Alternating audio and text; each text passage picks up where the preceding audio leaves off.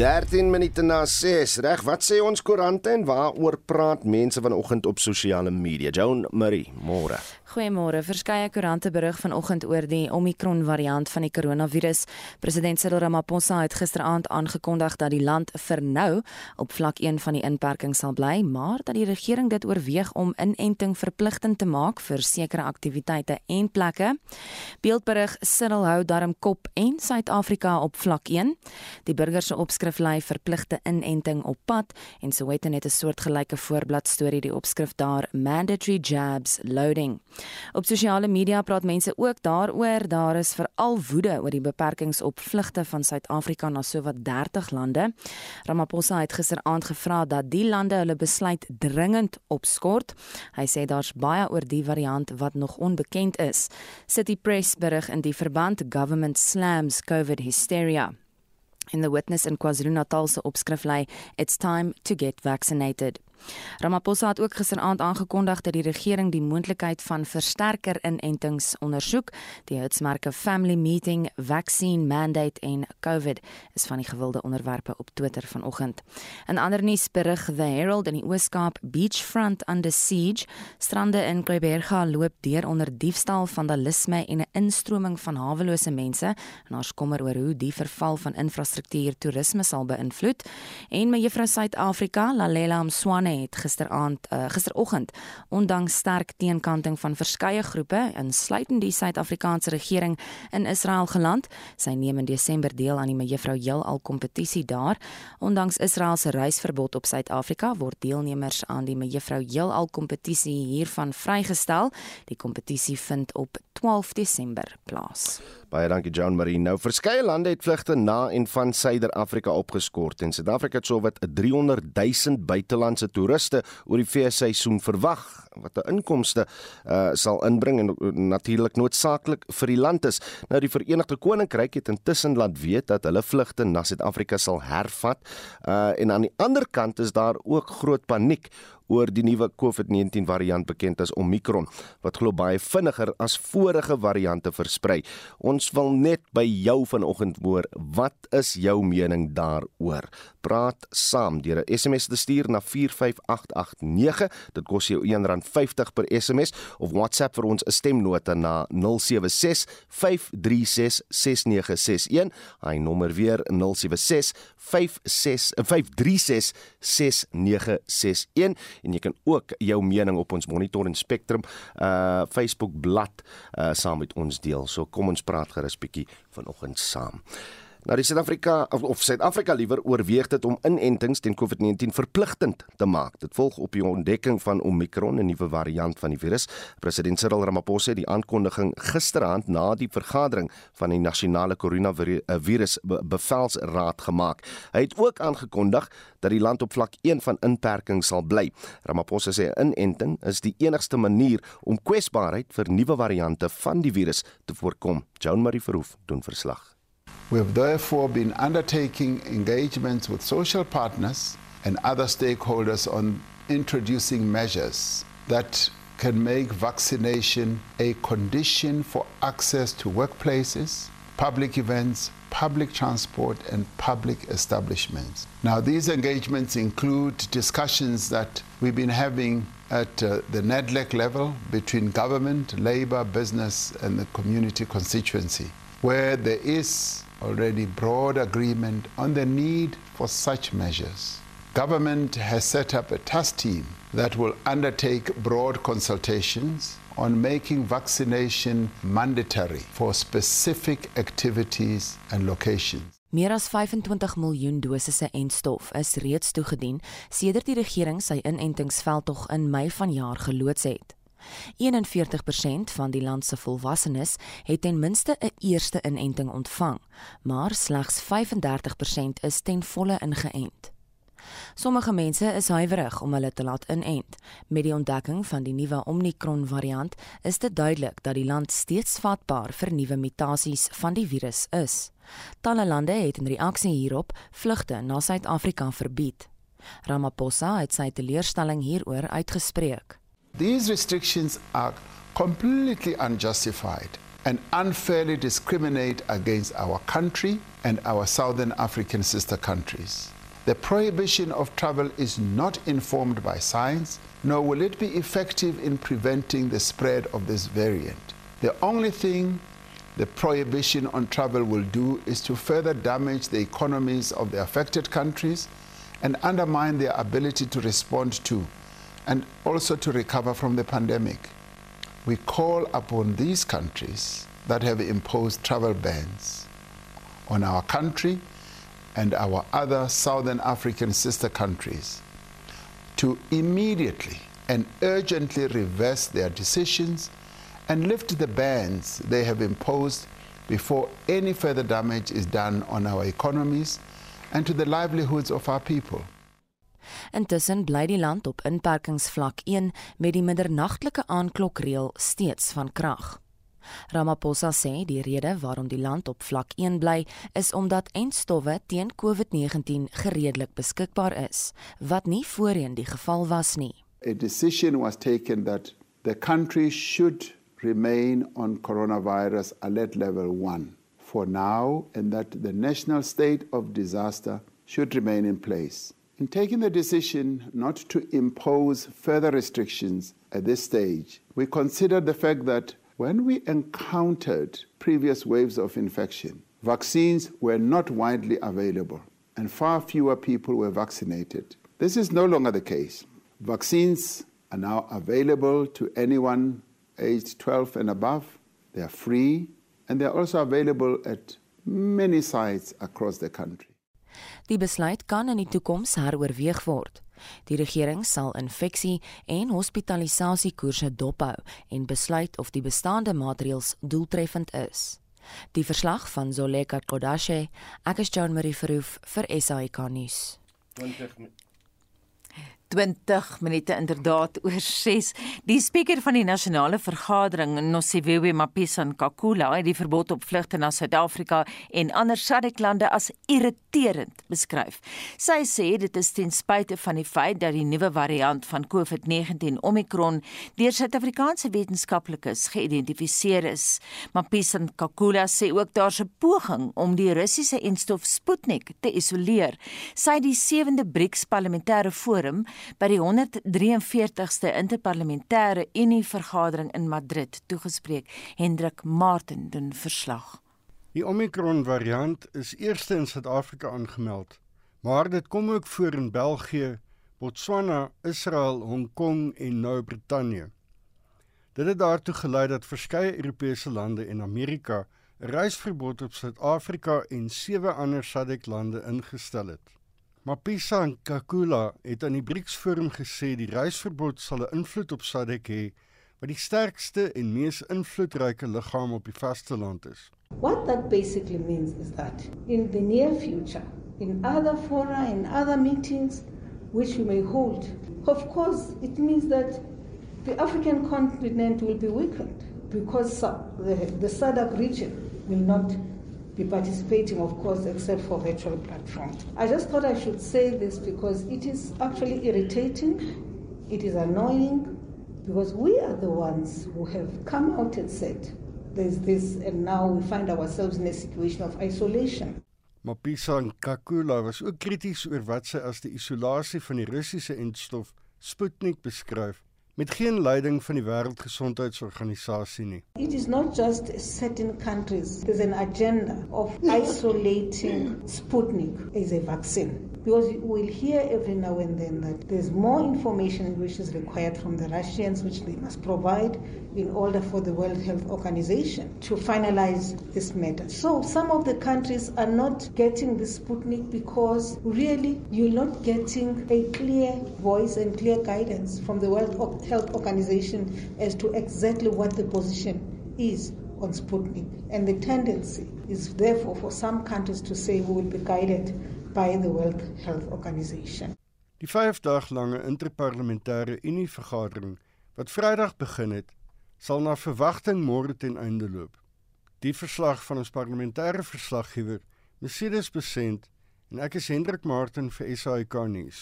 23 minute na 6. Net met die nuwe COVID-19 variant bekend as Omicron word die aandag weer eens op inenting as die mees doeltreffende wapen teen die pandemie gevestig. Daar is egter kommer dat mense traag word om die inenting te kry. Uh, ons praat nou met die voorsitter van die Suid-Afrikaanse Inentingsentrum SAVIT by die Sefako Magatu Mediese Universiteit, professor Hanlie Meyer. Prof, môre welkom by Monitor. Ah, goeiemôre en dankie dat ek hier saam met julle kan kuier vanoggend. Nee, dit is goed om jou hier met ons te hê. Nou daar is maar so wat 14 miljoen mense wat in volle ingeënt is. Dis 'n kwart van die bevolking en dit lyk of die inentingsveld tog momentum verloor het, reeds verloor het. Is dit wel so? Ja, ja, definitief. Definitief. Ek het net vanoggend gekyk daar, is dit hierdie stadium is dit eintlik net 35% van die volwassenes in Suid-Afrika wat ten volle ingeënt is. As jy nou kyk na die wat nou al reeds ten minste een dosis gehad het, is dit 41%. En dit is baie baie laag op hierdie stadium nog. Ehm um, die departement van gesondheid, jy weet hulle hulle ehm um, hulle uh, doel is om 70% hmm. in te ent. En dit was die doel teen Kersfees, die einde van die jaar. En op hierdie op hierdie trend gaan gaan dit nie gebeur nie. Oor die naweek byvoorbeeld het ek gesien gister was maar was daar maar amper net so onder die 12000 um, en intens gewees en Saterdag 26000 net oor die 26000 en dis regtig baie min baie min die, die Gauteng departement van gesondheid het na aanvraag deur die DA bekend gemaak dat daar in Gauteng sowat 36% van ons gesondheidswerkers nog steeds nie ingeënt is nie. As dit die geval is, maak dit mense bietjie bekommerd oor die feit dat on, ons gesondheidswerkers nie eers ingeënt word nie. Ja, dit is baie kommerwekkend want dit sê weet hulle is die mense wat wat die hoogste risiko het om sou hulle COVID-19 kry om baie ernstig siek te word en selfs te sterf. Dit is een rede, die ander rede is hulle kan dit dan versprei deur aan die mense waarmee hulle werk elke dag want hulle werk direk met mense, weet, in in baie noue aanraking. So dit is dit is werk en dit wys vir jou dat die huiwering nie net onder die algemene bevolking is nie, selfs ook onder onder gesondheidswerkers. Ja. Hoe hoe begin ons dit aanpak? Hoe begin ons om, om hierdie soort siening te verander? Dit is dis eintlik 'n baie moeilike vraag en het baie strategieë en planne, uh, jy weet, op die oomblik op die tafel. So ehm um, as jy nou van 'n gesondheidswerker praat, hulle het direkte toegang tot die tot die instelling. So, hulle is ehm um, is toegang nie 'n probleem nie, terwyl daar is ander mense in die land wat nog probleme het om by die instellingsplekke uit te kom en so voort. Maar dan is daar nou die hele huiwering van om om 'n instelling te kry. So dit is weet mense kry dit nou aan baie aan baie redes, maar een van die hoofredes is die um uh van persepsies wat mense het en die um die die inligting wat versprei word wat nie korrek is nie of die misinformation is ons van praat. Hmm. So dit is een van die hoofredes en en dit moet aangespreek word op op verskillende maniere want mense ontvang inligting en dan dan kyk hulle en ek, ek dink eintlik onder baie van die gesondheidswerkers omdat hulle ook so oor werk is en so besig is. Hulle het dalk nie altyd die tyd om te gaan kyk. Jy weet daar's hierdie toe die toe die uh, COVID-19 pandemie uitgebreek het, het die wêreldgesondheidsorganisasie onmiddellik die hoeveelheid inligting het hulle geïdentifiseer as 'n probleem wat hulle nou die infodemic genoem het. Noem.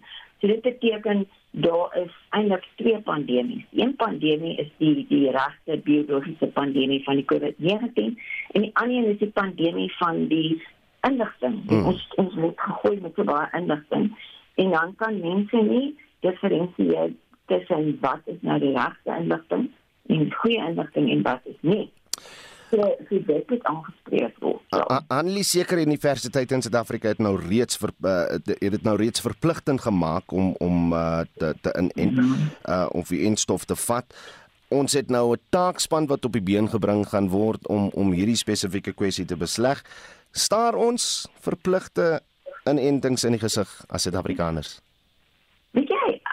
Het nou gisterand geluister na die na die na die president wat gepraat het en soos jy sê inderdaad daar gaan hy hierdie taakspan wees. Ehm um, dit is moeilik om te sê of dit heeltemal verplig gaan word. Dit gaan heel waarskynlik dink ek, is my persoonlike opinie, gaan dalk verplig word in sekere ehm um, jy weet situasies kan ek sê. Soos byvoorbeeld daar's nou 'n hele paar van die universiteite wat dit nou ook verpligtend gemaak het. Maar die die inenting is die die enigste die beste die nommer 1 manier om hierdie pandemie op te slaan. En mense, soos jy net nou gepraat het, jy kan sien mense gaan nie om die inenting te kry nie. Hmm. En dit inenting is is 'n keuse. Maar enige keuse word gaan gepaard met met die konsekwensies wat jy gaan dan daarvan hê van jou keuse. So, so dit is dit is dit is wat mense dan in die oë gaan staar. Ehm um, maar om ander te beskerm want dit gaan nou oor publieke gesondheid sê ja, mense het 'n keuse en mense het regte en almal het regte in die land. Maar dan moet jy ook kyk na wat gebeur in terme van publieke gesondheid en ook in terme van ons ekonomie. Hmm. Want sou ons kyk wat nou gebeur, dat Afrika se se uh, vlugte en ons het nou ge, ge verbân na hierdie ander lande te reis en so aan. So dit is 'n geweldige invloed op ons ekonomie en ons voortbestaan in die land. So dit gaan nie net eintlik weet oor 'n persoon nie, dit gaan oor die hele die hele opset van publieke gesondheid en dan die, die ekonomie en hoe gaan ons leef. Ah, ah. So op 'n manier moet ons hierdie ding maak werk. Hanlie, net so 'n laaste vraag in in 'n sin of twee. Hoe lank gaan dit neem voordat ons weet of die huidige enstowwe doeltreffend is teen Omicron? Weet jy, alle alle ek genoem dit gaan seker ongeveer 2 tot 3 weke neem want aan um, maar dit hulle gaan eers moet kyk presies of die die hierdie die hierdie mutasie nou die instof ontglip kan ek nou maar sê maar wat ek wel kan sê is gebaseer op hoe ons gekyk gesien het hoe die instof gereageer het teen die vorige variante kan ons eintlik 'n aanname maak dat dit nog steeds tot 'n mate uh, jy weet goeie beskerming gaan bied ten minste teen hospitalisasie en en jy weet sterfte. So want want die, dit gaan nie net met teen nog gaan bietjie daar's ook T-selle um binne in jou immuunstelsel. So hy werk op verskillende maniere. En hoewel daar nou al hierdie mutasies is is daar nog sekere dele van die hele virus uh, die manier waarop hy werk waar die instof nog steeds gaan werk en nog steeds beskerming gaan bied. Ons weet net nie hoe veel dit gaan wees nie. En as ek gou vinnig met 'n laaste ding kan sê, die enstowwe wat ons nou het die die um die mRNA dis vir die Engels en dan die die vector base uh, die J&J in die Pfizer. Um hulle die manier waarop hulle gemaak is, leen hulle daartoe dat mens maklik 'n verandering eintlik kan maak. So binne 'n paar maande kan daar 'n enstof van wees wat aangepas is vir vir ander mutasies. Okay. So dit is ten minste 'n moontlikheid, ja. Dit was die voorsitter van die Suid-Afrikaanse Inentingsentrum SAWIT by die Sefako Magatu Mediese Universiteit, professor Hanli Meyer. Praat veraloggend uh, oor die rooi lyste wat verskeie lande ingestel het teen Suid-Afrika. Daar is party van hulle soos Frankryk wat nog sê hulle gaan hierdie week eers konsulteer voordat hulle finale besluit maak. En dan Germany is daar lande soos Kanada wat 'n uh, spesifieke beperking geplaas het tot op 'n spesifieke datum, dis 31 Januarie. En ons wil veraloggend reaksie hê want daar's geweldig baie Suid-Afrikaners wat reisplanne gemaak het en wat nou nie weet wat gaan gebeur nie. Ja, die Verenigde Koninkryk het intussen laat weet dat hulle vlugte na Suid-Afrika sal hervat, maar daar's nog steeds groot paniek oor die nuwe COVID-19 variant, bekend as Omicron. Nou Johanna Vel skryf op Facebook: "Ons wetenskaplikes is van die beste in die wêreld. Hulle moet nog toetse doen om te sien wat die gevare is en of die inentings ons sal beskerm. Ek verkies om so gou as moontlik te weet van nuwe variante sodat ek die nodige voorsorg kan tref. My ma is 87 jaar oud en sy bly by my. Ek moet haar beskerm. Die regering sal nie so dom wees om al die besighede toe te laat maak en die moontlike belastings te verloor nie. Sommige van my, van my familie en vriende was baie siek en sommige is oorlede. COVID-19 is nie grappies nie. As die regering niks gedoen het nie, sou sommige nog steeds gekla het. En dan skryf Johan ook op Facebook: Die koronavirus reeks is 'n voortsleepende pandemie wat wêreldwyd nog steeds nie onder beheer gebring is nie. Daar is verskeie kere al deur bewese mediese wetenskaplikes wêreldwyd gewaarsku dat mutasies kan plaasvind indien mediese uh, indien mense nie professionele raad aangaande voorkoming en veiligheid volg nie. Mense se vooroordeele en hardkoppige laksheid veroorsaak nou dat dinge vererger. En dan is die WhatsApp lyn ook heel bedrywig vanoggend. Dis European Vryheid. Weet jy, ek wil net graag die president bedank dat hy ons tegemoetkomend was gister deur nie uh, sterker inperkings in te stel nie. Ek dink hy was ook maar hy is ook maar onder druk as gevolg van die ekonomie en dit is vakansie, die feestyd lê nou voor. Maar maar aan die ander kant is die risiko daar dat dit uh, die infeksie kan versprei. Nou uh, op op uh, in persentasie gewys sien ek nou hoe die uh, infeksie versprei, versprei dit baie vinnig. En uh, ek weet nou nie of hy oor 'n week dieselfde opinie sal hê aangaande die situasie nie. So uh, ons moet maar net ons protokolle nakom en ons moet ons laat vaksineer. Goeiemôre. Die enigste manier waarop die verspreiding van die virus bekamp kan word is via inenting. Uh, meneer Ramaphosa het dit dan ook baie duidelik gestel dat inenting op pad is. Ek sien dit so dat hoe vinniger die virus versprei en hoe vinniger ons van vlak 1 gaan opbeweeg na vlak 2, 3 of 4 toe, gaan die verpligting van inenting onafwendbaar wees. Nou ja, jy kan saampraat, jy kan 'n SMS stuur na 45889, onthou dit kos jou R1.50. Die WhatsApp lyn is oop, jy kan 'n stemnota stuur na 0765366961 en dan kan jy ook gaan kyk op Facebook en daar jou mening deel. 23 minute voor 7. Die feit dat die Britte Suid-Afrika met die nuutste reisverbod weer eens op 'n rooi lys geplaas het, raak nie net passasiers wat Londen toe wil vlieg nie, maar dit ook 'n impak op toeriste van uit die VK wat graag hierheen wil kom. Anita het die volgende verslag saamgestel. Die Johannesburgers, Tom Tweedy en sy vrou Zelda, het uitgesien na 'n wit Kersfees saam met hulle kinders in Brittanje. Hulle visums was reg en die vlug op 20 Desember reeds betaal. Toe moes hulle donderdag hoor dat alles nou van die baan is. It would be a little bit more acceptable if, you know, the kind of costs you have to incur and the money you lose could be moderated by governments who keep their visa money and take it again the next time and this happens and they completely impervious to any any persuasion. And that's sad and I've got a little bit of hope that the airlines will be more sensitive to customers because there's such a huge amount of north south travel and not only by tourists but by family and so on. So what one's got to do is accept the reality and you know, it causes a lot of emotional stress. We do comparisons, don't we, when things are awful? And eventually we get a perspective. So you've got to suck it up and it is what it is. Onafhanklike toeroperateurs kla ook. Bekes Geldnys van Bush Safaris in Mpumalanga het sy frustrasie Vrydag so aan Monitor verwoord. Anita, ja natuurlik is dit vir ons almal 'n groot skok en dit raak almal in bedryf want een ou se besigheid vloei baie keer in op, die, op een of ander manier na ander ou se besigheid oor.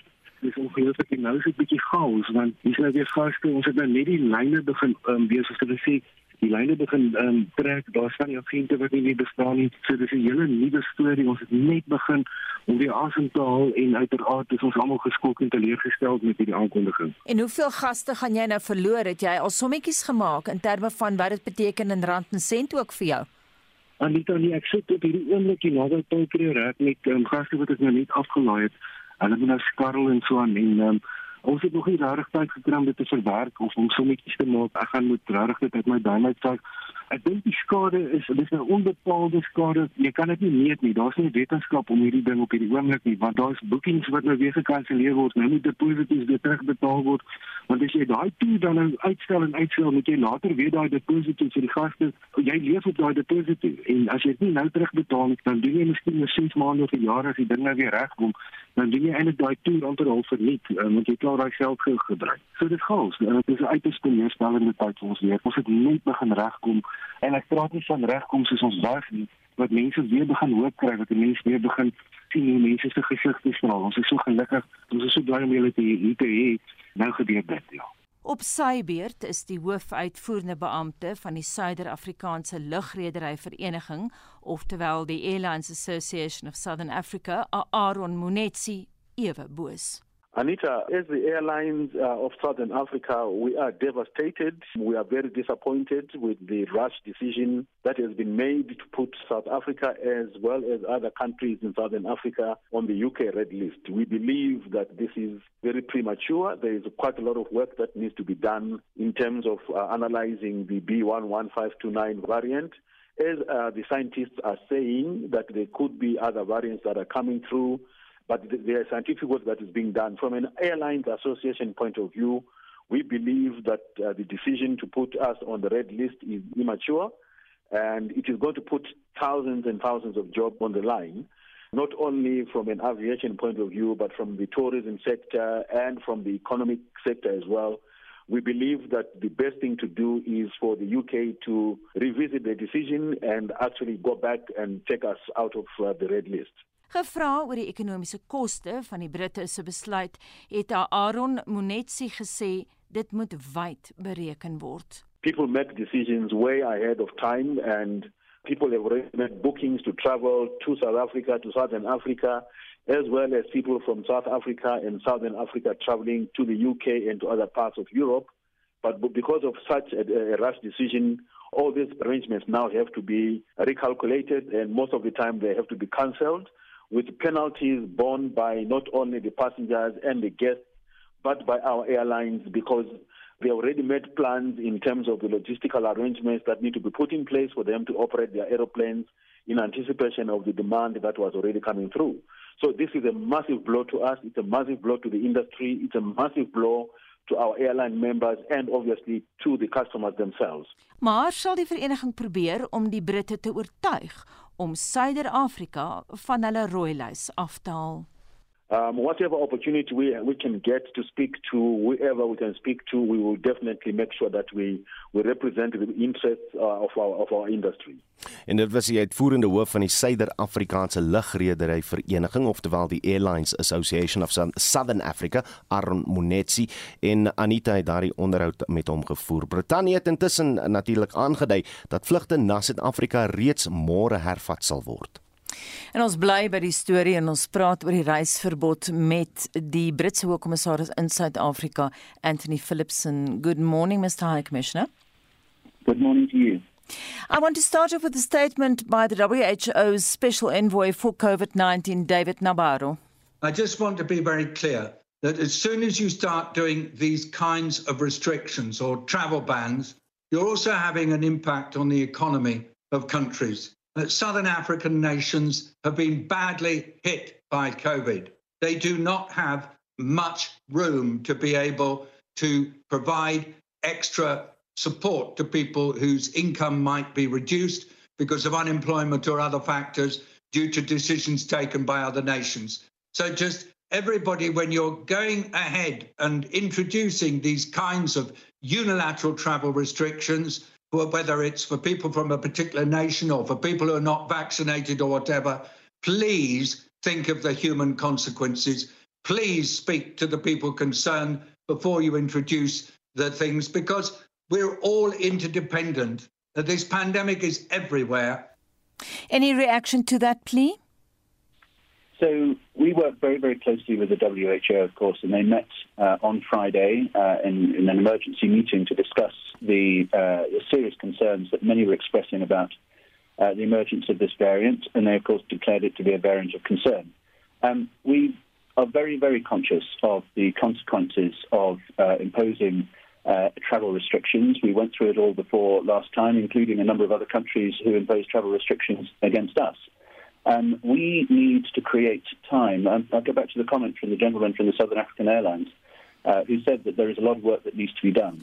And that is what we are doing at pace. And we put in place the restrictions in order to slow the spread uh, of this variant uh, in order to give us time to do that. But mm-hmm. we are very conscious of the consequences. And as our ministers have said, the Prime Minister said to the President on Friday, uh, my Foreign Secretary has also said to her Foreign Minister counterpart, we will lift these, strict, these restrictions as soon as public health considerations allow. Mm-hmm. The South African government has demanded demanded a complete reversal of the travel ban. They say it's discriminatory. Have you consulted enough, or are you shooting from the hip?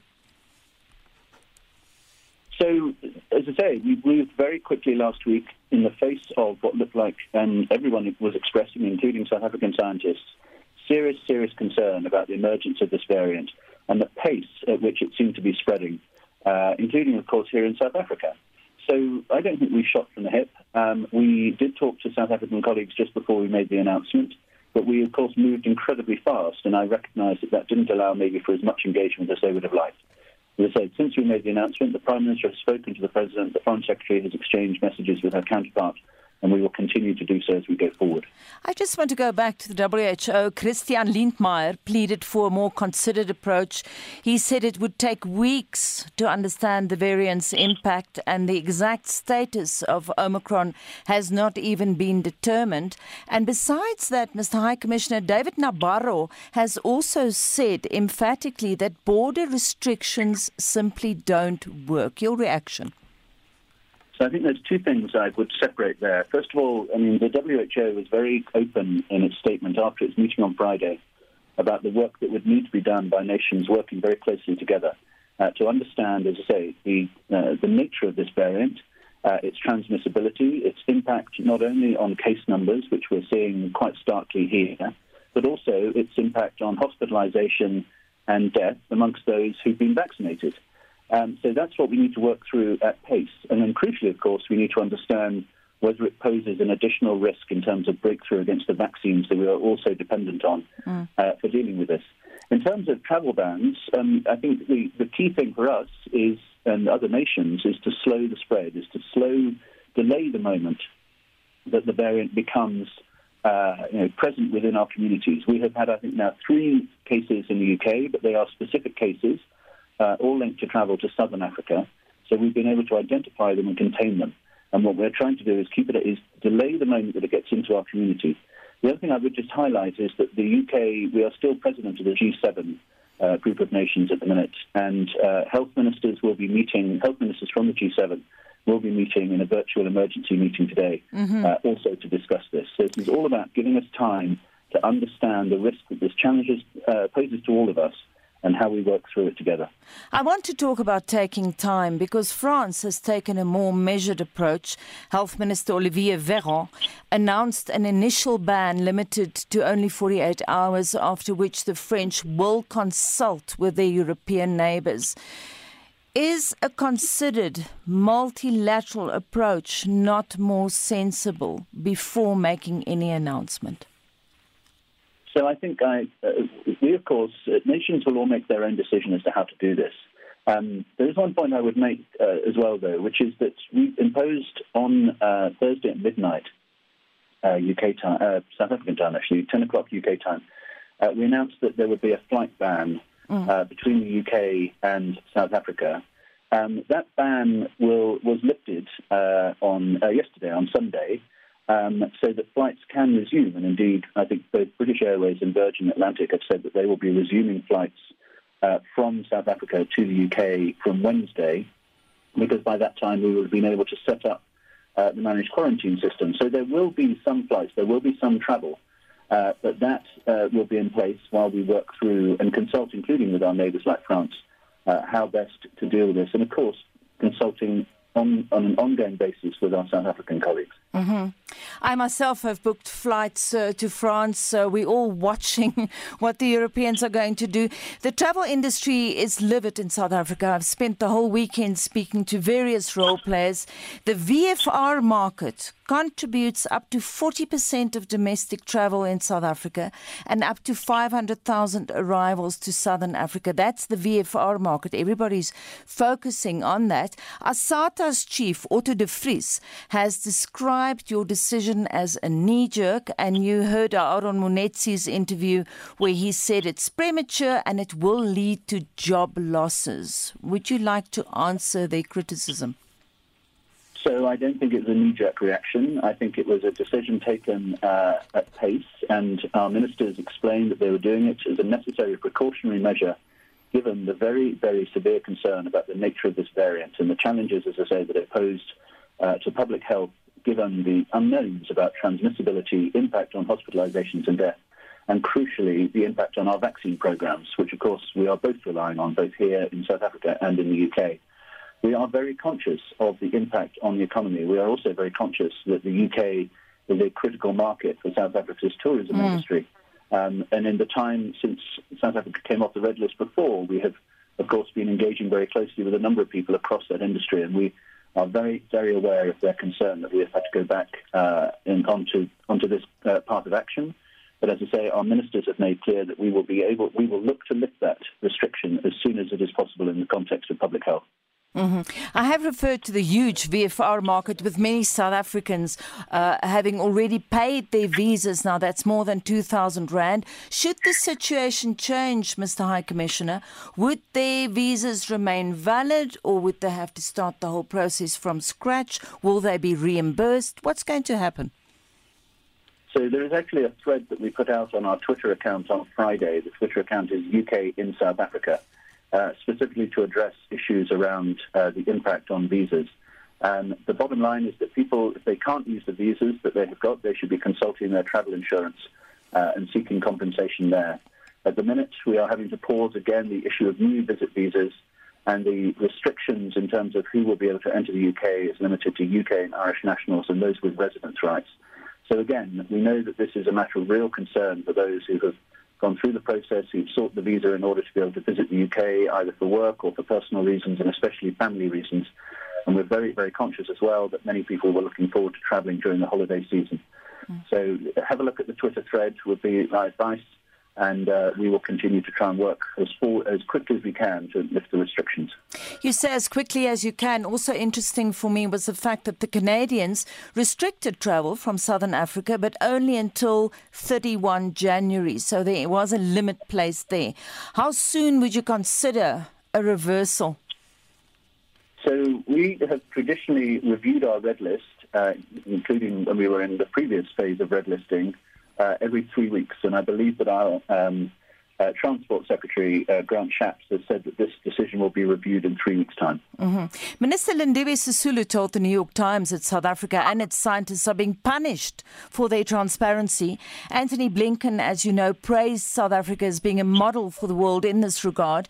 And I was channel hopping yesterday and watching everything, and CNN asked whether the travel ban would not inhibit scientists in other countries from sharing new research. Your response to that concern? So I think we all know that we're only going to get through this virus crisis. And uh, this is just the latest iteration, of course, of it. And we've all been working through this and suffering through this for a long time now. We're only going to get through this through global collaboration. So the Prime Minister, again, when he spoke to the President, uh, commended uh, the expertise of South Africa scientists uh, and the transparency of the government. I don't believe that uh, the answer would have been for anyone to suggest that we shouldn't be transparent with each other nor do I believe that this is the UK looking to punish anyone, uh, let alone South Africa. This is the UK uh, and indeed others making decisions that they feel are necessary to protect their public health. And, and going back to my first point, to give us the time to work through uh, what needs to be done to understand the real challenge posed by this variant and how we can work best together to address it. Unfortunately, Mr. High Commissioner, there seems to be a lot of bad blood at the moment. There's a widespread feeling amongst scientists, and I've spoken to them, that they are being unfairly punished for their transparency. They are, of, course, also travelers. And this view is shared by top American scientists. I'm thinking of Professor Henry Moyne of uh, UCLA. And I want to ask you, as a diplomat, I mean, it's your job to try and keep the relationship relations between London and Pretoria friendly. How are you going to manage the very negative fallout of the travel ban? So we're going to keep doing what we were doing before, which is trying to make sure that we are keeping lines of communication open, that we're talking to our colleagues uh, at all levels, including, as I say, at the very top of our system uh, between the Prime Minister and the President. Uh, we are going to make sure that we are uh, maintaining the engagement between our scientists, and so that we can, our scientists can work together with South African scientists to do the necessary analysis at pace to understand what needs to be understood. And we will then continue to work uh, with our colleagues at all levels uh, to try and make sure that we can move forward on this as fast as possible uh, and to make sure that there is, at least we are able to explain what we are doing uh, and why. Um, and that, I think, is, is the only way forward on this. Uh, we certainly understand the concern. We certainly understand the disappointment, especially as people were gearing up to travel during the holiday season and the impact uh, that that is having on families, including, by the way, you know, uh, UK citizens who are looking to travel here, mm. uh, and, and others. So you know, we will keep all of those lines of communication as open as we can. We will work on this together as quickly as we can and try and find a more positive way forward as soon as we can. Thank you very much. Dit dan die Britse Hoogkommissaris in Pretoria, Anthony Philipson. Johnny. Kom ons val sommer dadelik weg met wat die luisteraars op die WhatsApp lyn deel.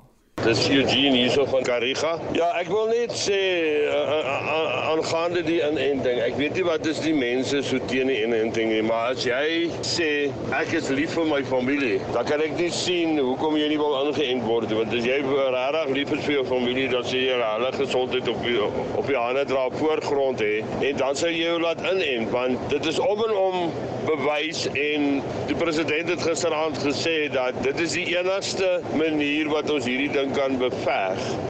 Man ja, ek wil net 'n uh, mening stel en sê dis belaglik wat die mense besig is om te doen. President Cyril Ramaphosa het gisterand, ek dink, hom baie goed van sy taak gekwyt. Ek dink op 'n stadium het ek gevoel dat hy het spesifiek met die mense van daai lande gepraat wat die sanksies ingestel het teen Suid-Afrika om vir hulle die boodskap te stuur en te sê, luister, maar ons mense is van die beste in die wêreld en dat hulle weet wat hulle doen. Ek meen, uh, die inenting het 'n bewys ge gelewer dat meer mense ingeënt is, hoe beter is ons beskerm teen die virus. Jy?